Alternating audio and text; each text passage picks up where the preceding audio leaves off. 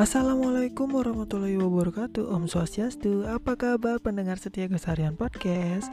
Ketemu lagi sama aku di Gosarian Podcast Ya selaku podcaster yang kece abis Mantap. Oke episode kali ini adalah episode ke-56. Waduh mantap nih udah 56 Ntar 57, 58, 59, 60 Wah gimana? Pelan, pelan tapi pasti. Mantap. Pelan tapi pasti. Mantap. Nggak ngebut tapi pasti ya ngebut tapi pasti uh, mungkin bis, bisa sih cuman uh, takutnya pas ngebut gimana gitu ngebut cepat ya ya ya kalau bisa kalau emang kalau bisa apa namanya cepat tapi pasti cepat tapi amburador ya enggak juga sih. Ya agak lama agak lama di eh bu, gimana sih? Ya, pokoknya berproses gitu. Ya yeah. bisa sampai ke tahap berikutnya episode berikutnya gitu. Ya yeah, so um, gimana kabarnya? Wih selalu nanya kabar nih ya podcast podcasternya selalu nanya kabar sama penyiar eh sama pendengar setianya gitu. Ya udah ya. Pasti baik semuanya. Oh, pasti baik semua ya. Ya mudah-mudahan semuanya sehat walafiat. Oke okay? so yang sehat tetap jaga imunitas. Oke okay? jangan sampai sakit. Ya oke okay, di episode 56 ini ya aku bakal ngebahas dunia games mungkin ya. Ya yang di mana tuh apa namanya Square Enix resmi umumkan game Guardians of the Galaxy. Ya yang di mana tuh gua Square Enix tuh bakal ngerilis game Guardians of Galaxy. Jadi buat kalian yang nggak tahu Guardian of Galaxy itu game dari Marvel, besutan Marvel, yang di mana ada uh, superhero yang apa namanya uh, menyel ingin menyelamatkan dunia gitu. Ya gitu lah sih, gitu nggak sih? Eh, gue lupa. Pokoknya uh, di Avengers itu tiba-tiba uh, ya jadi satu kan ya Ya, perilisan Marvel Avengers memang banyak mendapat kritikan dari para fans maupun kritikus.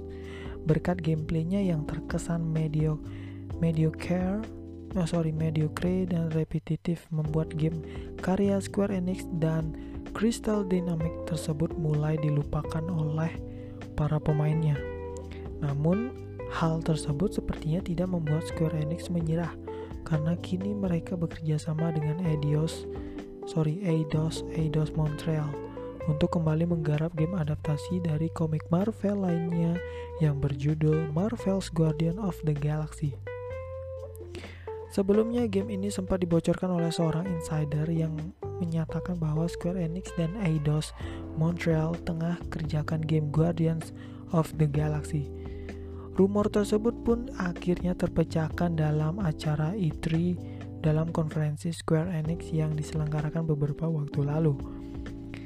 Tak tanggung-tanggung, mereka pun langsung merilis trailer beserta demo gameplaynya secara berturut-turut. Berbeda dengan Marvel's Avengers yang memanfaatkan sistem live service, game ini benar-benar ingin berfokus ke aspek single player, di mana pemain akan bermain sebagai karakter Star-Lord. Dalam gameplay diperlihatkan terdapat sistem dialog layaknya game karya Tell Telltale Telltale Games yang akan mempengaruhi relasi pemain dengan karakter tersebut. Selain itu, game game juga memanfaatkan fitur squad squad command seperti seri Mass Effect Trilogy. Oh, game apa game game game yang game yang ini yang yang apa namanya? Guardian of Galaxy ini itu ada fitur Squad Command seperti seri Mass Effect Trilogy di mana nantinya Star-Lord dapat memberikan komando kepada para anggota Guardians seperti Gamora, Rocket, Groot, dan Drax yang masing-masing memiliki ab abilities tersendiri dan dapat digabungkan untuk membentuk combo dengan squad mates lainnya. Game rencananya akan rilis dengan uh, sorry Game rencananya akan rilis tanggal 26 Oktober 2021 mendatang. Nantinya game akan tersedia di platform PC, Xbox One, Xbox Series X atau S, PS4 dan PS5. Apabila sudah tidak sabar, kalian kini sudah bisa melakukan pre-order atau PO, PO melalui PS Store, Microsoft Store atau Steam. Pemain yang melakukan pre-order atau PO juga akan mendapatkan Throwback Guardians Outfit Pack sebagai bonus konten tambahan. Oke gitu jadi uh, buat yang nunggu rilisnya itu kalian sudah bisa pre-order dulu. Jadi pre-ordernya itu kalian apa mencoba game versi betanya dulu gitu. Jadi sebelum yang rilis yang benar-benar resminya tuh rilis. Jadi ya gitu. Kalian bisa nyoba dulu ya wah gokil nih gitu.